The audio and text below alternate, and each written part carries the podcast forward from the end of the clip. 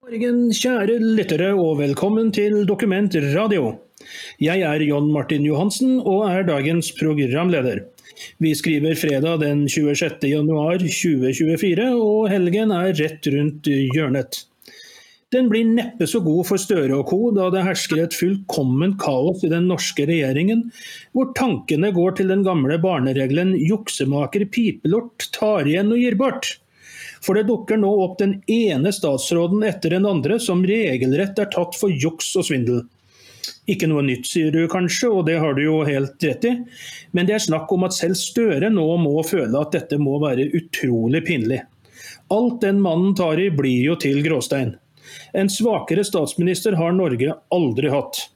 Det viser seg altså at på toppen av alt det andre Støre har klart å rote til, så har han ikke sjekket de som er utnevnt til statsrådet godt nok før utnevnelsen.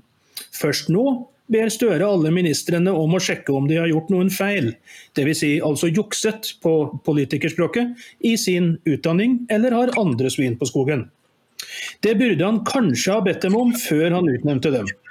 Men Støre er Støre, og Ragnar Larsen, ja han er trønderen i Trondheim som ikke går med skinnvest, seilersko og hvite sokker. Velkommen til en fredag i juksemakernes tegn, Ragnar. Takk for det, du. Og ikke harry bart heller, som jo er det, det klassiske kjennetegnet, i hvert fall på en, en trondhjemmer. Jeg barberer meg øh, hver eneste dag. Uh, så, så, det ytre kjennetegnet på å være trønder, det mangler da uh, for, for min del. Ja, Støre, ja. Jeg må på å si stakkars Støre. Eh, den ene skandalen avløser jo den, den andre. Hvis Kjerkol eh, også får reisepass, så blir det vel den sjuende eh, statsråden som går pga. skandaløse forhold.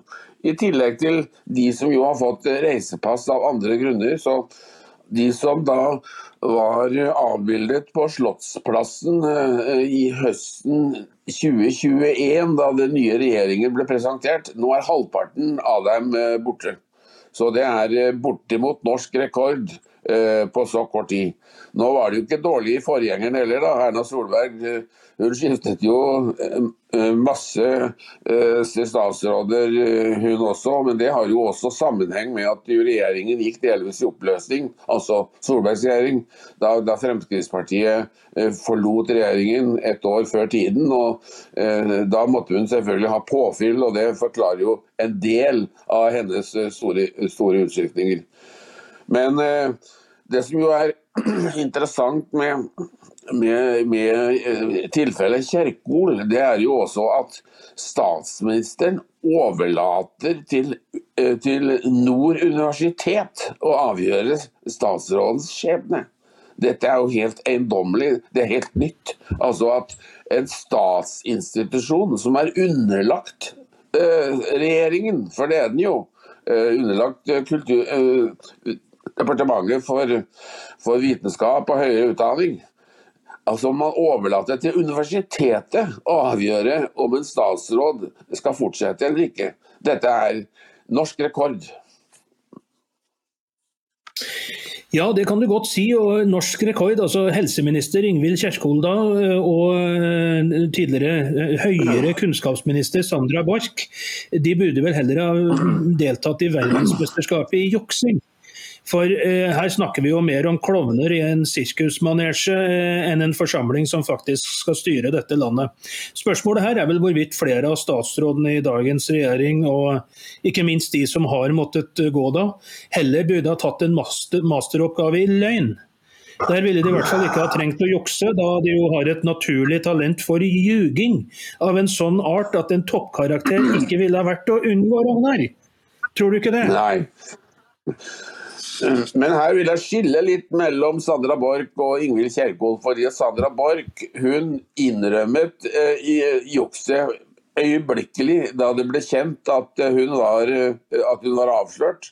Så tok hun kontakt med statsministeren med en eneste gang og varslet sin avgang samme dag. Eh, hun var da grepet i å ha å ha sitert andres arbeid uten å oppgi at det var et sitat, men, men fremstilte det som sitt eget forskningsarbeid for en, for en master oppgave, det er jo resultatet av et forskningsarbeid. Du samler inn data og vurderer og analyserer data og trekker en konklusjon. Men for Kjerkol er det annerledes. Hun er jo da grepet eh, jeg holdt på å si med, med buksene nede, men innrømmer det ikke, bortforklarer, eh, selv om det da nå kommer stadig nye avsløringer. Det er vel nå oppe i en 70-80 passasjer i hennes eh, mastergradsoppgave som nå er dokumentert har likhet med, eller er et sitat fra det som andre har gjort, andre mastergradsstudenter, eller fra lærebøker og andre kilder, uten at det er oppgitt. Så man begynner å nærme seg en sånn stor mengde at det blir jo vanskelig å forstå at, at hun hele tatt kan få beholdt graden. Og Det samme gjelder jo med Sandra Borch også. Det er jo de som mener at uh, jukset er såpass omfattende at det må få konsekvenser for at, uh, at godkjenningen trekkes tilbake, uh, kort og godt. Ja, så vi, vi, kan faktisk gi Sandra Borch litt kred for bare å lyve under masteroppgaven, men ikke når hun ble tatt i juksing. Mens Ingvild Kjerkol da tok en Bjørnar Moxnes. Eh, det, det, har vi ingen problemer med å, å, å, å gi. Vi gir eh, Kjerkol Moxnes-stempelet, og så får Borch litt kred for å lyve litt mindre enn hva de andre har gjort. Det, det, er, jo, det er, jo, noe, det òg. Vi må jo ta tak i det lille positive som er i den uh, tårepersen dette er av en regjering. Ja, hun, hun, eh, var klok nok til å innrømme en feil, at hun hadde gjort en feil. Eh, og, og, eh, og, og tok konsekvensen av det med en gang. Men hun trakk ikke dette ut i langdrag. Og nå rammer jo dette regjeringen med, med fullt, i full bredde også, fordi Kjerkols juks det avsløres jo nå enda mer dag for dag. Og jeg kan vanskelig se at en regjering kan sitte eh, med og å bli hundset i offentligheten på, på, den måten at en statsråd blir avslørt som juksemaker dag etter dag, fra medium til medium. Dette, eh, dette går jo ikke i lengden, men, men Kjerkol og eh, Gahr Støre har forsøkt å vinne tid ved å spille ballen over til eh, Nord universitet, som nå skal foreta en vurdering eh, av hvorvidt dette da er, er juks eller ikke. Og det tar jo sin tid. Her må de jo gjøre et grundig arbeid. De kan jo ikke bare konkludere Eh, på dagen. De må, det er mange som må inn i bildet og, og synse og vurdere eh, Kjerkols eh, arbeid. Så dette kan jo ta uker, og kanskje mer enn det. Og imens så blir jo regjeringen rammet. Kjerkols autoritet blir utfordret.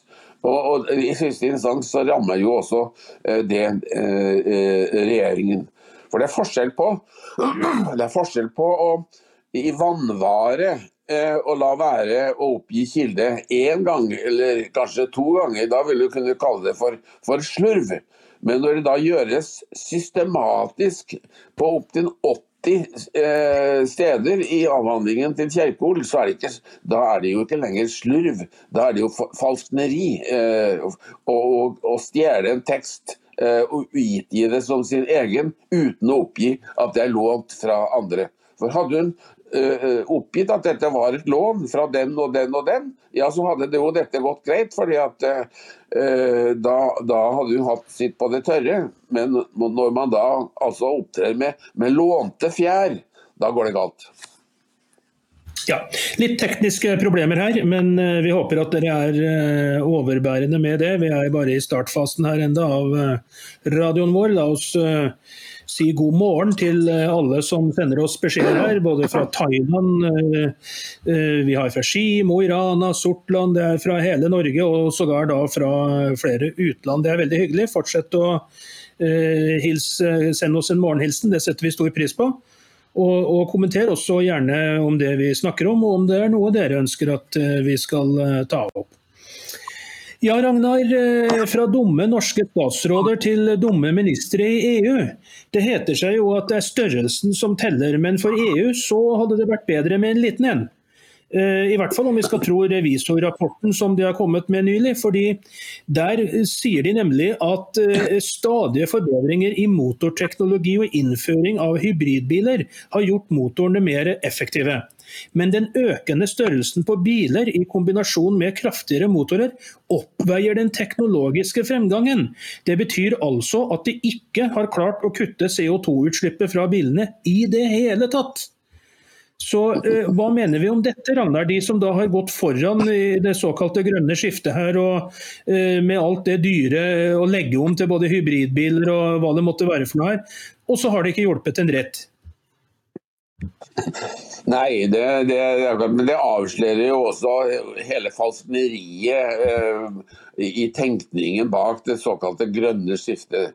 Eh, eh, altså, altså, Her setter man seg mål for å løse ikke-eksisterende problemer. Det er jo en global oppvarming. Vi i Norge har jo denne vinteren fått oppleve det. At det, eh, den er i hvert fall ikke global når den ikke har nådd til Nord-Europa og Skandinavia. og Sånn er det jo over eh, Europa nord for Alpene i det hele tatt. Det har jo vært den strengeste vinteren i, i, i manns minne. Og så eh, at eksos eh, er eh, lite å trakte etter, ja det vet vi alle sammen. Og at man da har restriksjoner i, i byer for at, eh, at, eksosen kan bli for tett og at frisklufta blir fraværende, det, det skjønner vi. Men at dette skulle ha noen globale problemer, det er, jo, det er jo, bare et påfunn. For at man kan få innført nye, uh, nye uh, avgifter og skatter, og, og, gi politikerne økt råderett over godtfolks uh, lomme, lommebøker. Utslipp fra biler det er i beste fall et, et lokalt problem for den gata hvor bilen kjører, og ikke noe globalt problem. Og det at eh, bilene blir større og, og motorene blir, blir, større, det er jo Du får jo også andre utslag. Eh, for bilene er blitt større også i bredden, og det får virkning for parkeringshus. Eh, bare i løpet av noen få år så har en gjennomsnittlig personbil lagt på seg i bredden 10 cm. Og da blir det enda trangere i parkeringshusene og, og større karosseriskader hvor dører tar borti eh, naboens bil osv. Så, videre. så nei, det kommer nok an på størrelsen allikevel. Det er ikke til å komme forbi det. Jo, men altså akkurat når du sier det du sier der med parkeringshus og sånn, og at uh, de har lagt på seg liksom, Jeg syns det er litt deilig å høre, for det er ikke bare jeg som har uh, blitt bredere, altså. Det er også bilene. Så da, da, er vi ikke alene. Men eh, fra spøk til alvor her. Eh, det, det er jo rett og slett patetisk av, av, EU dette. ikke sant? Å innføre alle disse tiltakene, og så viser det seg at det har ikke hatt noe Eh, noe betydning i det hele tatt. CO2-utslippene er helt likt slik som de har vært før de begynte med dette tullet. Men du var inne på det med, med med vinteren, eh, Ragnar, og det er litt interessant. Fordi vi har en eh, artig kar skjønner du, eh, som er direktør ved Nansen-senteret. Han heter Tore Furevik. Og Han går ut i dag og sier det at vinteren vi har hatt nå, har vært litt ekstrem. Men vi har ikke sett noen antydninger til at det skal bli flere slike ekstremt kalde vintre hos oss fremover. Det er det ingen grunn til å tro, sier han. Han påpeker deretter at vi har global oppvarming, og at hele den nordlige halvkule har vært ekstremt varm. Altså, Hvor har han, har han sittet i badstue, eller hva er det han har drevet med? Hva mener du, Ragnar? Ja, Det kan du si. Det, det, det kan du si. Eh, han, da er han ikke lenger klimaforsker, da. han er jo blitt profet. I og med at han også kan se inn i, i, i, i fremtiden eh, og, og forutsi været de, de, kommende årene. Det virker jo hvor useriøst eh, hele greia er. Og vi må huske på det at eh, varslene om at eh, jordkloden går ad dundas, ikke minst anført av FNs generalsekretær fra, fra, fra, fra Portugal, det er jo ikke basert på målinger. Det er basert på beregninger. Man har altså da tatt latt datamaskinene operere med klimamodeller. Og så har man da regnet seg frem til at det blir varmere på jordkloden. Når det jo virkeligheten eh, er at det ikke blir noe varmere. Eh, og, og, at temperaturen eh, fra tidenes morgen, den har jo variert. og det har jo vært helt upåvirket av utslipp av, av, av CO2. Hvorfor? hvorfor tinte den isbreen som lå over hele Nord-Europa fra eh, nesten til Alpene og til, til, Nordpolen, eller i hvert fall i Skandinavia. Hvorfor tinte den for 20 000 år siden? Den var jo kilometertykk. Jo, den tinte jo ikke pga. at det var utslipp av, fra dieselbiler og gasskraftverk. Eh, eller at det gikk store kuflokker oppå isen og, og fjertet og slapp ut uh, metangass. Nei, den forsvant av helt naturlige grunner, som skyldtes en variasjon i solens utstråling. For sol, det er solen som bestemmer eh, klimaet på, på, og temperaturen på jordkloden, og ikke utslipp fra biler i Europa. Ja, det har du selvfølgelig helt rett i. Og hei til eh, Horten og Grimstad, dere som eh, kommenterer eh, derfra. Vi registrerer at Meteorologisk institutt har registrert flere rekorder for både kulde og snø denne sesongen. Det er det klimavakten Hanne Heidal ved Meteorologisk institutt som sier. Hun kunne fortelle at i januar så målte f.eks. Risør brannstasjon i Agder 120 cm med snø. og Det er altså ny rekord der da for januar måned. Og eh, han Furevik, han, eh, han og, og, co. som da går rundt i sin villfarelse og tror på dette med den globale oppvarmingen osv., de, de, de er jo i godt selskap da med, med de som opererer eh, bussnettet i Oslo bl.a., Ruter. De har jo eh, trukket skikkelig godt på å ha vinterskodde elbusser, har de ikke det, Ragnar? Jo da, de, har, de er avslørt. Eh, de er avslørt helt og totalt. Eh, Oslo kommune har jo uh, Ruter, da, uh, transportselskapet for Oslo-regionen, investerte en milliard kroner i, i busser som ikke funker under norsk klima. Ja, da er det jo bra utafor. Men dette er jo en typisk for hele eh, forestillingen om det grønne skiftet som da er nødvendig for, at, for å forebygge global oppvarming. Det er ingen global oppvarming, dette er bare beregninger foretatt av såkalte forskere som er betalt av regjeringene. Uavhengige eh, klimaforskere kommer jo til helt andre eh, eh konklusjoner. Du kan bare slå opp på på, på nettet på, uh, på, klimarealistene og se helt andre beregninger foretatt av uavhengige forskere eh, ved universiteter over den hele uh, verden. Så det er forskjell mellom oppdragsforskning, som, hvor konklusjonen er trukket på forhånd, og den frie forskning av frie mennesker. Det er helt riktig. Det er jo snakk om agenda. og du kan si det sånn at eh, det gjelder jo også i eh, energisektoren eh, i aller høyeste grad. Og i dag så er det altså en kjernefysiker, Sunniva Rose, som er kjerne- og energifysiker og kommunikasjonsdirektør i Norsk Kjernekraft, som altså går ut og sier det at uh, om Norge vil det eller ikke, så kommer det til å komme kjernekraft i Norge. Hun uh, sier bl.a. at en kjernekraftreaktor den erstatter 270 Fosen vindturbiner. Og hun sier også at kjernekraft er den mest miljøvennlige energikilden som finnes. Så her finnes det egentlig ingen unnskyldninger for noen for ikke å innføre eh, kjernekraft. Hun ser for seg en eh, løsning hvor eh, altså det mest kostnadsoptimale som hun, hun, viser til en undersøkelse fra Sverige, da, hvor de valgte da å ha en tredjedel vannkraft, en tredjedel vindkraft og en tredjedel kjernekraft. Men siden vi har mer vannkraft enn svenskene, så mener hun at 50% vannkraft, 25% vindkraft og 25% kjernekraft vil være den beste miksen. Noe som betyr at vi vil få 30-40 kjernekraftverk i Norge. Og Hun mener at på slutten av 2030-tallet så kan de første kjernekraftanleggene allerede stå ferdig. Og Hva mener du om det, Ragnar? Er det veien å gå? Ja, det er veien å gå.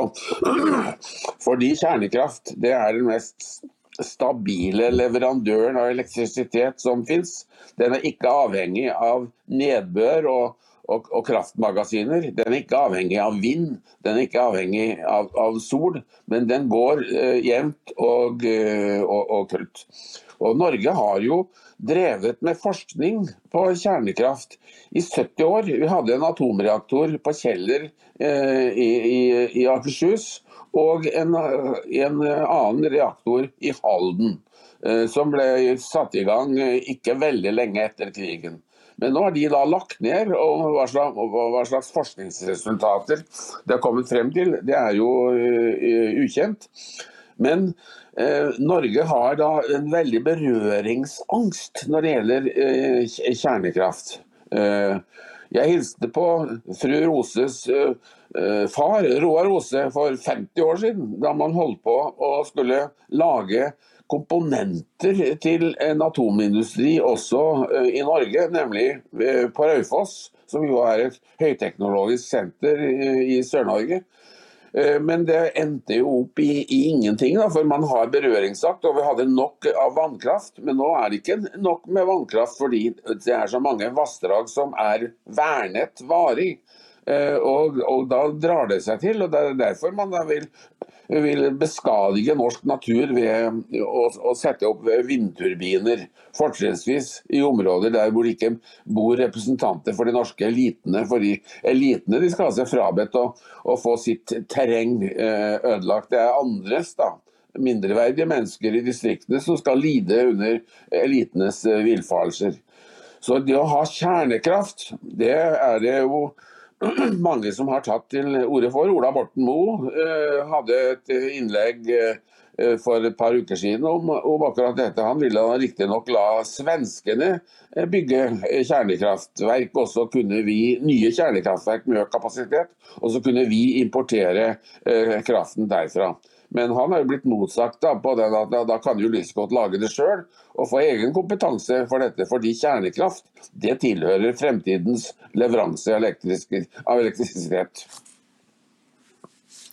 Ja, det gjør det. Og det, det, er jo litt rart at liksom uh regjeringen og Stortinget, som er så hyppe på teknologi og utvinninger på alle mulige områder, de, de, vil altså ikke bruke kanskje den beste teknologien som noen gang er oppfunnet til, til noe positivt for menneskeheten, altså kjernekraft. og eh, Det skyldes jo etter all sannsynlighet da agendaer her. Det er vel noen som sitter og tjener penger på Eh, at det da er eh, store utenlandske firmaer som får konsesjoner i Norge for å bygge vindkraft og osv. osv.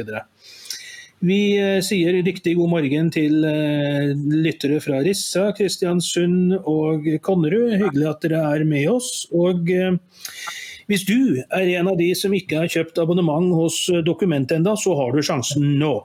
Vær en av de som ikke går rundt i tåka og tror på alt det du får servert av ymse medier som har en agenda, den ene eller den andre.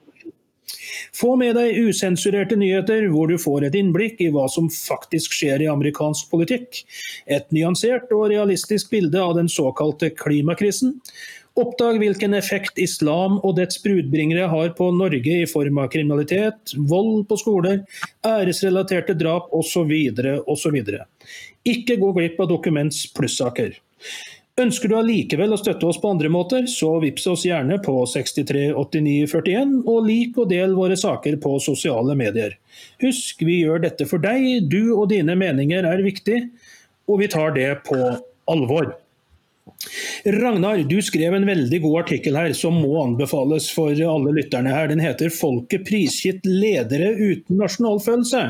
Og Der snakker du også litt om det som vi nå nevnte, da, nettopp det med eh, energi her og, og, og, kraft, eh, i tillegg til en god del andre ting. Det er en veldig fin eh kommentar det der. Og jeg synes spesielt det er interessant det du snakket litt om da, at man ødelegger norsk natur fordi man på død og liv skal levere strøm til land som forsvømmer sin egen energiforsyning, for å bruke dine ord. Og Her har du vel litt mer å føye til selv, vil jeg tro? Ja, Tyskland har jo lagt om energipolitikken. Foranlediget av den flodbølgen som rammet et kjernekraftverk i Japan. Og da fikk man, eh, eh, som jo forløp uten skadevirkninger, det var ikke noe utslipp av, eh, av radioaktivt materiale verken i havet eller i lufta eller i, i, i, nærmiljøet. Men det gjorde at Angela Merkel, forbundskansleren, ledet an en utvikling hvor Tyskland skulle Eh, skulle frigjøre seg fra, fra kjernekraft og eh, avvikle hele atomkraftindustrien. Og det skapte jo da et underskudd av, eh, av, kraft for tyskerne, som de da kompenserte ved å eh, inngå langsiktige gassavtaler med, eh, med, Russland. Men så har jo Russland stelt seg sånn at det også eh, ikke lenger er så aktuelt, og da kommer jo Tyskland i et underskudd på elektrisk energi som er så omfattende at det nå er stillstand eh, i, i tysk næringsliv. Brutto nasjonalprodukt falt i fjor. Eh, og det har vel ikke skjedd eh, på nær sagt 100 år. Og, dermed har de et kraftbehov som da Norge skal løse. For Norge skal da være liksom Europas eh, batteri eh, når det gjelder kraft. Og Det siste utspillet fra Høyre det er jo å bygge da enorme vindkraftanlegg på Helgelandskysten. Ifra, ja, helt fra Vikna og nordover til, til Bodø. For der, det, der, blåser det, og da skal man da sette opp vindturbiner i hundrevis. Fordi at tyskerne skal få kraft. Eh, og Dette avslører jo hele humbugen i dette betraktningen. Hvert land må jo ta vare på sin egen energiforsyning.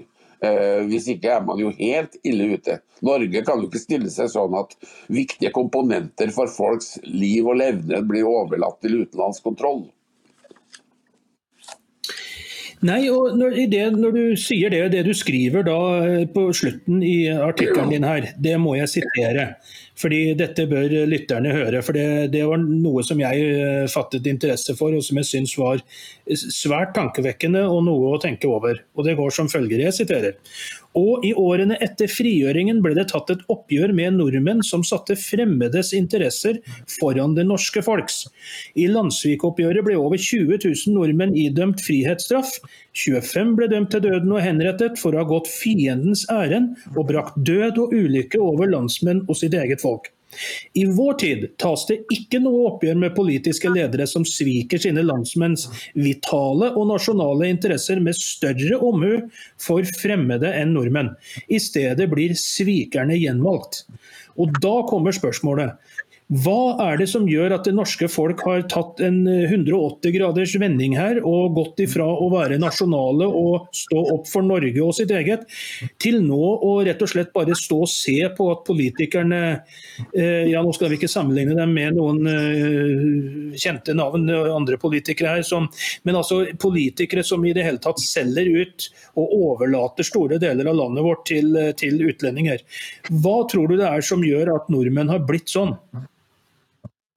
Nei, Vi har jo, og med god grunn, hatt stor tillit til politiske ledere i, i Norge.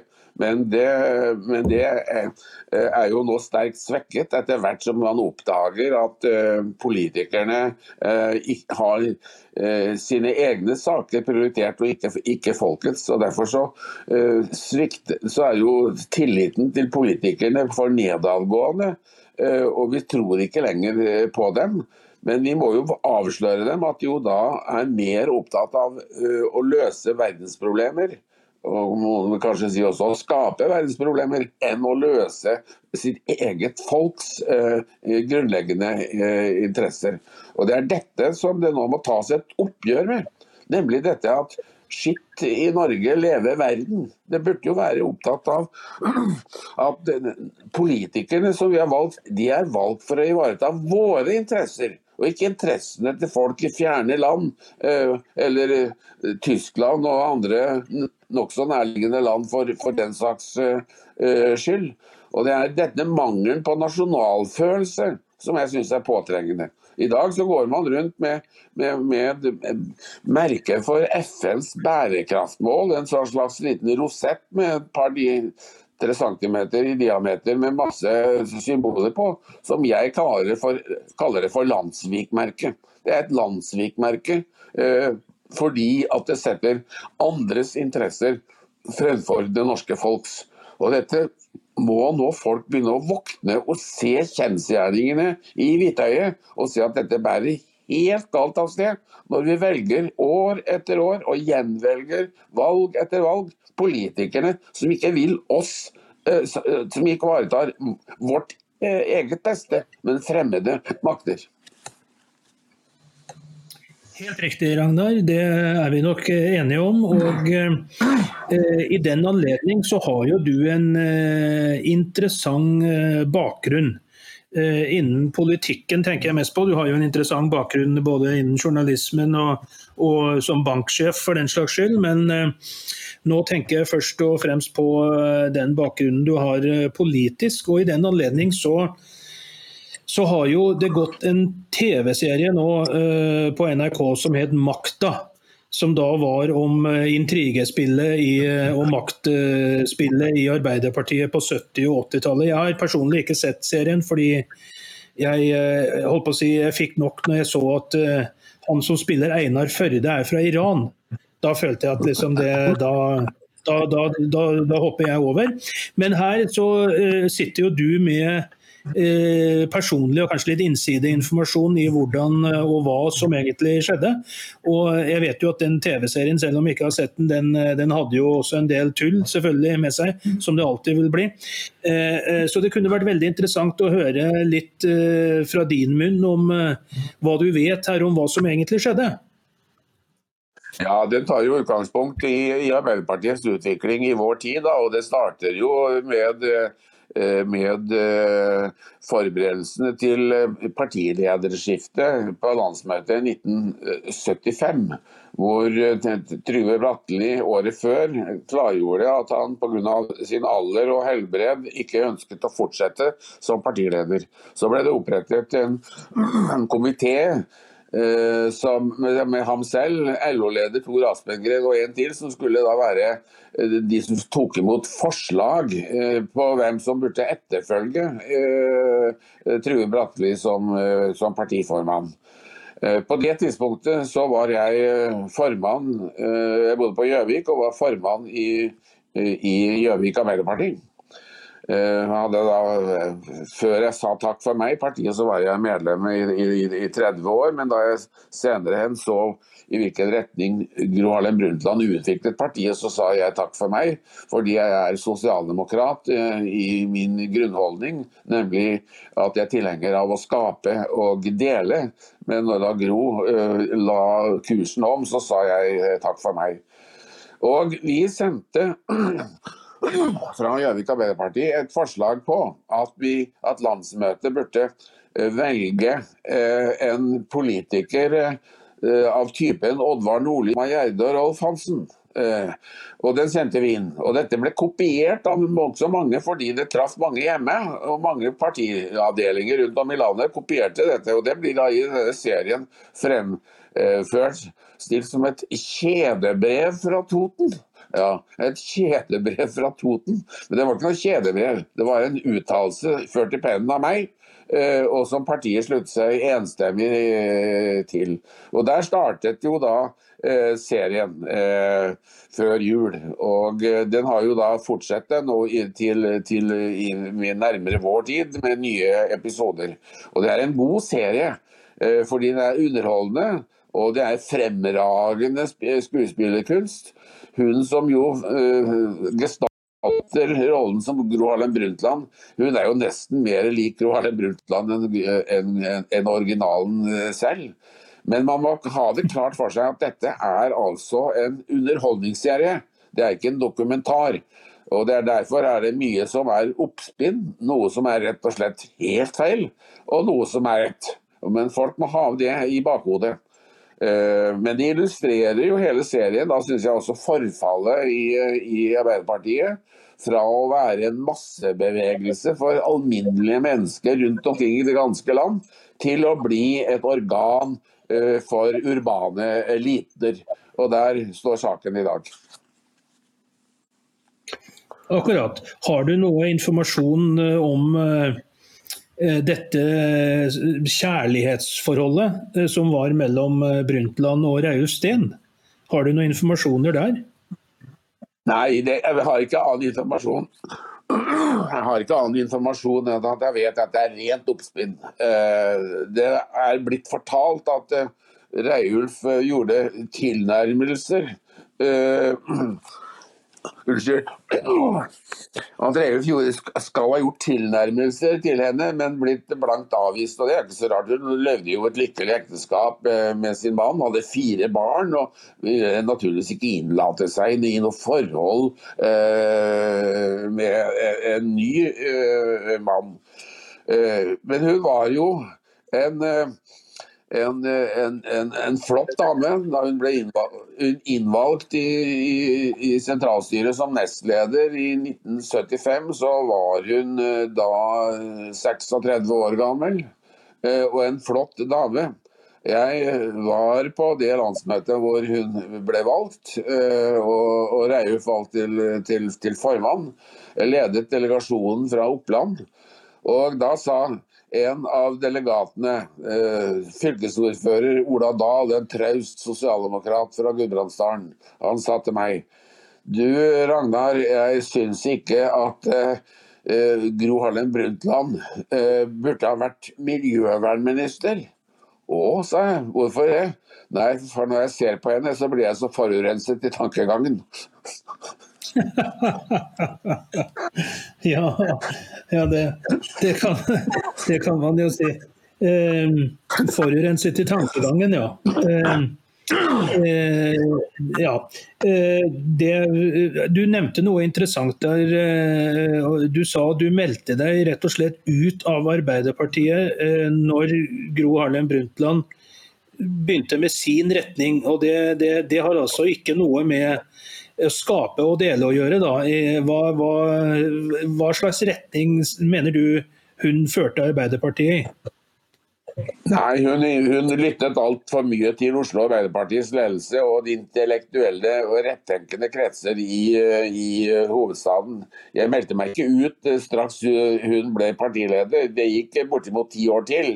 Eh, men da var jeg overbevist om at dette hun førte en utvikling som ledet Arbeiderpartiet på helt ville veier, og som ville gjøre at Arbeiderpartiet ville svekke sin sosialdemokratiske forankring og eh, føre og føre helt galt av sted. Men jeg anså meg ikke så betydningsfull at jeg meldte meg ut. Jeg lot bare være å betale kontingenten, eh, og forsvant i det eh, stille og, eh, og, og, og rolig.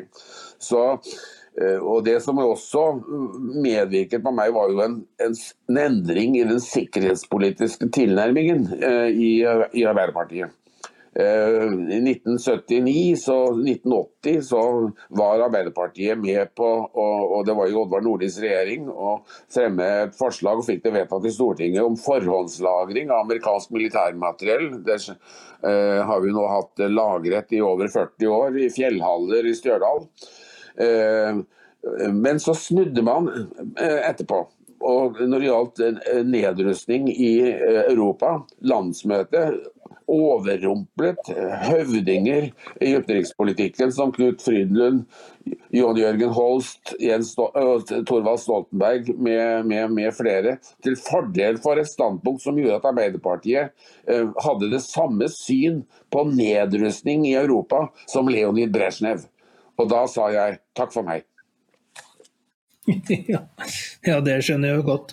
Det skulle være morsomt, selv om dette var litt senere, du, å høre om du sitter med noen informasjoner eller tanker eller eh, om Brundtland og Bjørn Tore eh, Godals eh, innmelding av Norge i eh, EU på en måte bak nordmenns rygg.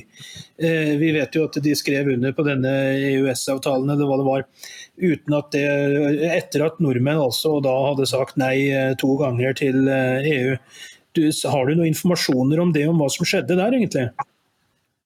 Nei, ikke mer informasjon enn det som er allment eh, kjent. Norge ble innmeldt i, i, EU til tross for folkets eh, doble nei.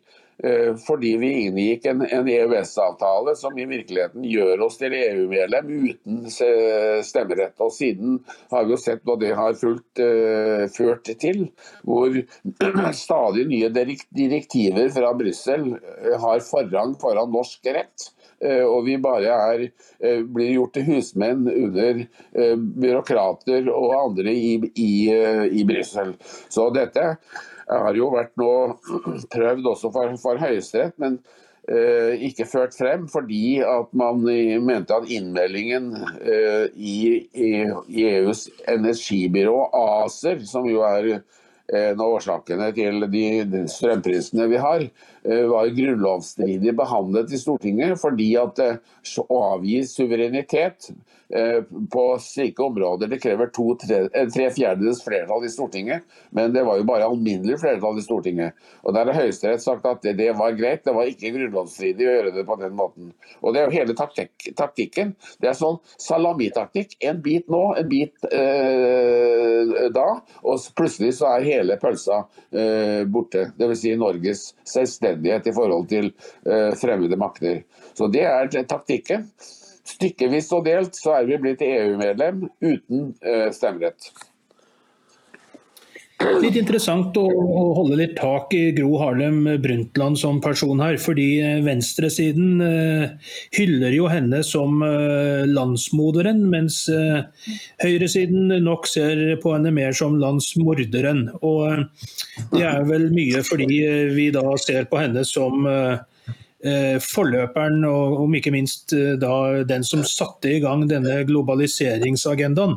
Som jo da har sett i, bare komme i sterkere og sterkere grad eh, senere utover årene. Og hva slags ettermæle føler du at Gro Harlem Brundtland kommer til å få i norsk politikk? Blir det delt, slik som jeg nå nevnte, mellom da de forskjellige leirene politisk, eller tror du hun vil få Eh, et mer samlet eh, minne, som kanskje da den som ødela Norge, for å si det sånn. Synet på henne vil nok avta etter hvert som man får hennes regjeringstid mer på, på avstand. Og historikerne kan se tingene i sammenheng.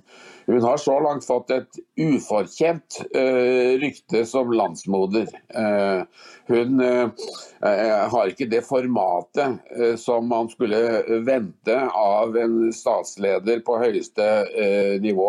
Men hun har vært en sjarmerende dame. Hun var den første kvinnelige statsministeren i Norge. Og det, selvfølgelig, det gir jo en, en aura, det også.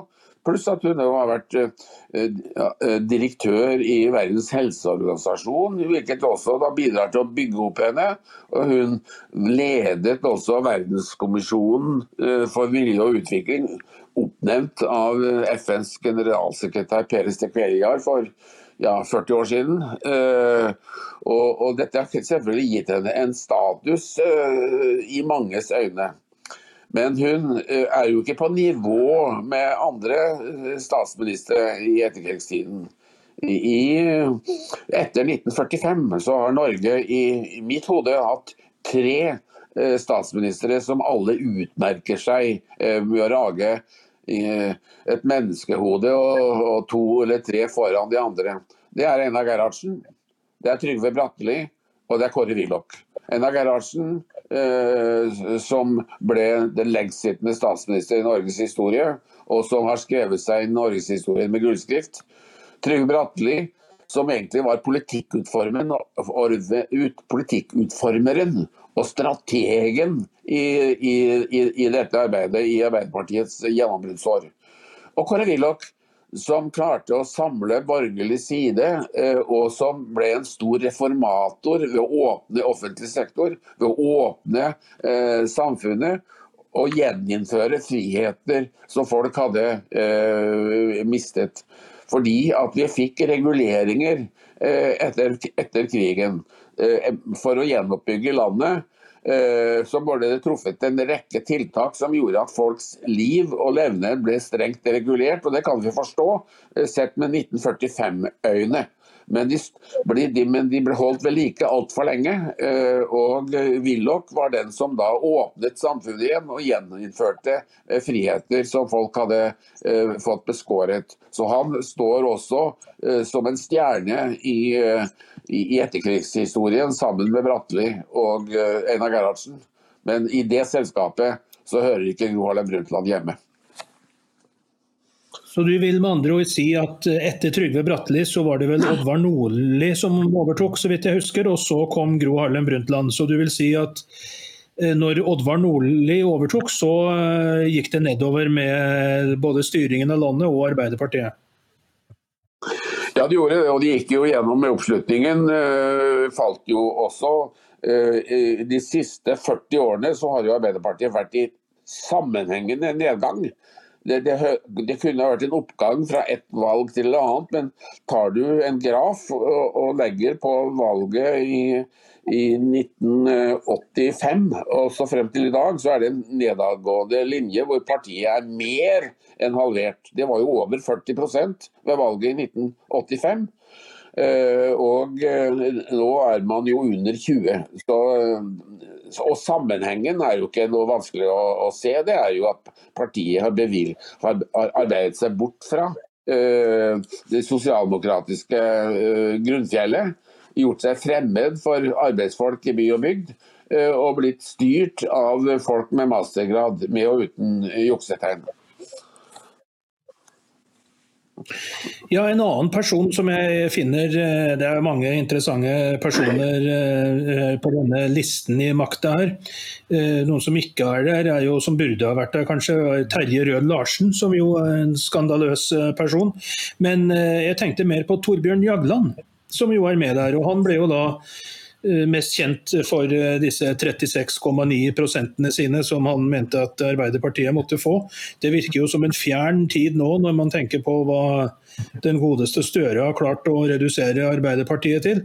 Men eh, Jagland han var vel ikke så veldig mye bedre enn Støre, var han vel det, Ragnar? Nei, han var, han var ikke det. Han var en pådriver i omleggingen av Arbeiderpartiet bort fra det sosialdemokratiske grunnfjellet og over til dagens eh, situasjon. Han var en av arkitektene bak eh, det sikkerhetspolitiske opprøret som du fikk eh, tidlig på 80-tallet, hvor man begynte å, å, få større og større likhet med østeuropeiske tenkemåten, og, og som gjorde at, at spørsmålet om nedrustning i Europa, så hadde man det samme synet som man hadde i Kreml. Så Torbjørn Jagland eh, han ble en ulykke for, eh, for eh, Arbeiderpartiet.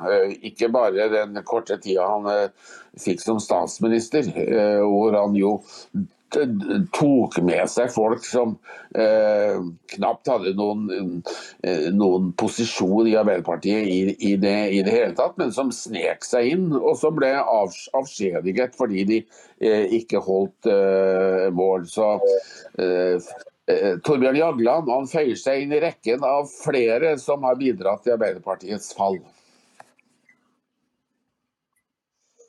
Ja, han gjør det. Og det det er, Vi kunne ha snakket eh, kanskje både denne timen og mange andre timer om eh, Arbeiderpartiet og hvordan det en gang var og hva det har blitt. Vi eh, må jo bare konstatere at eh, ifra eh, det det en gang var, da, og Einar Gerhardsen i hvert fall, og frem til eh, det man ser i dag med, med Støre, så er det en enorm forskjell her på både det, det grunnleggende moralen og verdien og ikke minst politikken hvor, eh, Støre jo sier én ting, som at nå er det vanlige folks tur, men gjør noe annet. Det var jo det motsatte av hva Einar Gerhardsen gjorde, mer eller mindre. og Han har bygd ned det som Gerhardsen og Bratteli bygde opp. Hvordan ser du på fremtiden til Arbeiderpartiet, Ragnar? Ikke lys, med mindre man tar en grunnleggende eh, endring i politikken og en grunnleggende endring i uh, hvordan man rekrutterer uh, politikere. Det er jo ikke lenger arbeidsfolk igjen i, i, partiet. Enten du går til et bystyre i Trondheim og Oslo, eller til stortingsgruppa og til hele rådgiverapparatet, så er det folk med eh, universitetsbakgrunn som har overtatt. Du finner ikke lenger bussjåfører og rengjøringshjelper og hjelpepleiere eh, og fabrikkarbeidere og, bil og bilmekanikere eh, i disse organene. Du har fått en mastersyke i dette landet som etterlater inntrykk at hvis du ikke har mastergrad, så er du ikke noe. Eh, og det preger jo hele rekrutteringen. Klassikeren nå er jo at du blir med i AUF og gjør deg uh, gjeldende der som en, som, skole, som en, skoleflink ungdom. Og når du er ferdig med utdanningen, så sklir du inn i regjeringsapparatet som statssekretær, uh, og, og, så havner du på Stortinget etter hvert. Og Med mindre man får til en rekruttering hvor arbeidsfolk, og da mener jeg ikke nødvendigvis bare de som har fysisk arbeid, eh, som anleggsarbeidere og, og, og, og, kokker og servitører. Men jeg tenker på lærere og andre med, med, med, alminnelig utdanning, som også arbeidsfolk. Hvis de ikke får orden på dette, så har bare eh, Arbeiderpartiet bare nye valgnederlag å se frem til. Og slik er det jo blitt i eh, store deler av Europa. I eh, Tyskland, som jo gjerne var et sosialdemokratisk foregangsland, er jo partiet redusert til veldig lite, selv om de da sjangler videre med, eh, med regjeringsmakt. I Danmark har de klart stillingen, og, eh, men gå til Nederland, gå til Frankrike, gå til Italia. Der er sosialdemokratiet utradert, fordi de ikke lenger eh, er et relevant svar på arbeidsfolks lengsler og behov. Ja, men du må gi Støre litt kred her, Ragnar. For når det kommer til juks, løgn, unnskyldninger og bortforklaringer, så er det vel ingen som slår eh, den regjeringen han har kokt sammen, vel? Nei, de kommer i hvert fall veldig høyt opp eh, på, på, i rangeringen. Eh, det gjør de. Og, og når da Jonas Gahr Støre i virkeligheten overlater til universitetsfolk i Bodø å avgjøre en statsråds fremtid som statsråd. Da er det kommet langt i ansvarsfraskrivelse, mangel på lederskap. Eh, det ble sagt om Einar Gerhardsen at han at han skjøt når noen skulle dø. I anførselstegn at når en statsråd var blitt skandalisert eller ikke lenger hadde full tillit, ja, så ble vedkommende avsatt. Han var rask på avtrekkeren, denne garasjen. Men her har man altså lagt opp til en seigpining eh, av eh, en eh, statsråd. Som jo også rammer regjeringen, fordi at hele regjeringen blir jo, blir jo rammet av dette. Og partiet eh, også, selvfølgelig, når man da øh, dag etter dag blir møtt med overskrifter i, i, mediene om at nå er det stadig nye passasjer i, i, i Kjerkos masteroppgave som er lånte fjær fra andres arbeid. Ja, eh, Jonas Gahr Støre han eh, mangler både det ene og det andre. Det er vi vel eh, innforstått med nå, de fleste i Norge. Men konsekvensene av de manglene er alvorlige. Og en ting som har skjedd i den senere tid, det er en økt vold i norske skoler. Og det er gått så langt at uh, det, det, ikke lenger er overraskende, uh, sier Mette Johnsen Walker i Skolenes landsforbund. Uh, det, hun er ikke overrasket engang over den voldsomme volden mot lærere fra elever som foregår nå. Hun sier at selvfølgelig at det er kjempealvorlig, men hun nevner selvfølgelig, som alle de andre, ingenting om hvilke elever det er som, som begår all den volden mot lærere. Sånn var det ikke når jeg gikk på skole, i hvert fall, og det var det nok ikke når du gikk på skole heller, Ragnar. Og er det Erik fra Kløfta som driver og banker opp lærerne her, eller hvem er det, tror du? Nei, det er ikke Erik fra Kløfta. Eh, eller Solveig fra Hattfjelldalen. Eh, det er eh, elever med en annen, helt annen etnisk herkomst. Og det vet lytterne. Men utviklingen Vi skal ikke klandre eh, Jonas Gahr Støre mer enn andre for det. Da. Det er jo ikke hans skyld mer enn andres, for dette er en utvikling som har pågått over lang tid. Eh, hvor også skiftende regjeringer og stortingsflertall må ta sitt, sin del av, eh, av ansvaret. Du har fått en speilvending av, av, skyld og ansvar i skolen. Fordi at du har fått en lovgivning og en regulering av skolevesenet som gjør at Eh, elever eh, skal beskyttes mot overgrep fra læreren. Mens det jo da i stadig flere klasserom er, situasjonen motsatt. Det er læreren som må beskyttes mot vold fra elevenes side. Og Det er dette man må ta tak i. Og dette eh, har jeg en viss tro på at det kan være en holdningsendring på gang også i elitene. Jeg har merket meg den eh, nye, eh, den nye undervisningsministeren eh, fra, fra, Stavanger, som har et positivt grep og et positivt syn på mange forhold. Bl.a. synet på bruk av eh, skjermbrett i undervisningen, som hun vil eh, nå sette en sterk begrensning, for ikke å si forbud forbud mot, fordi skjermbrett er et underholdningsmedium og ikke et, et medium for, for, for læring. Og Dette har sammenheng med at oppmerksomheten er sklidd ut av politikernes eh, hender. Tidligere ble skolen styrt eh, av departementet. Men nå er det styrt av noe som Høyre og fikk opprettet ved Kristin Clemet da hun var undervisningsminister i Bondevik II-regjeringen, nemlig eh, Eh, undervisningsdirektoratet. Eh, som eh, der hvor man tidligere nøyde seg med et departementskontor med kanskje 20-30 medarbeidere, så har man nå 500 i dette direktoratet. Og som pøser på med nye rundskriv og nye forordninger og nye såkalte reformer. Så når lærerne er blitt kjent med og fortrolig med en reform, så kommer det straks en ny en. Som gjør at lærerne er eh, blitt frustrert, hemmes i sitt arbeid. Og stadig flere lærere søker seg bort fra skolen, fordi de holder ikke ut bråket eh, og mangel på orden og disiplin i skolen. Det, det som må gjøres, det er å gjøre læreren til sjefen i klasserommet. Og før det blir eh, gjennomført, ja, så har vi bare nye tragedier å se frem til.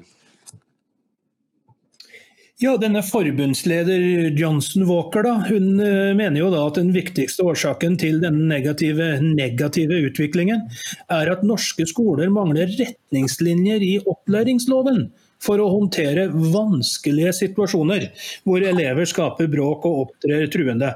Eh, og Da må jo spørsmålet naturlig nok bli hvorfor er det nødvendig nå, eh, når det ikke var nødvendig før?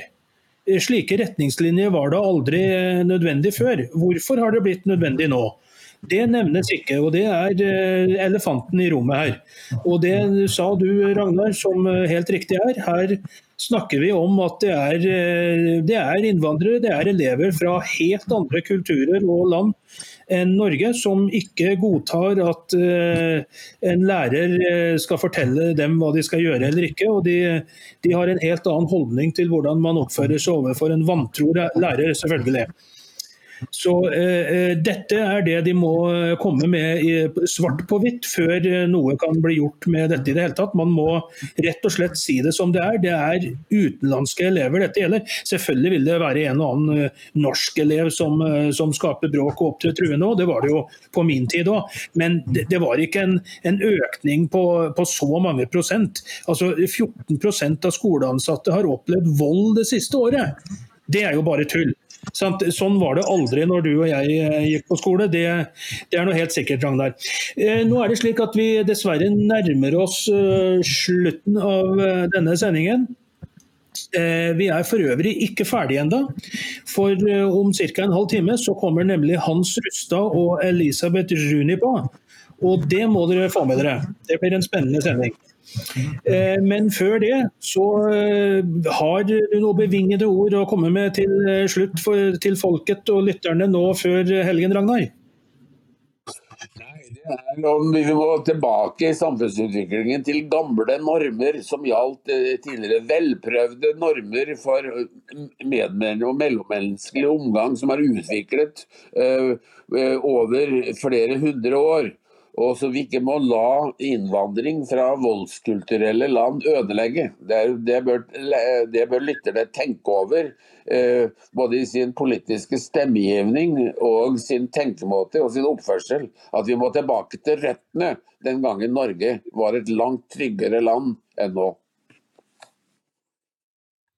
Og Med disse bevingede ord så sier programleder Jon Martin Johansen og uh, gjest Ragnar Larsen uh, takk for seg. Studiotekniker var Lars Bråten. Husk å få med dere sendingen om en halv times tid med redaktør Hans Rustad og Elisabeth Rooney. Ha en riktig god helg.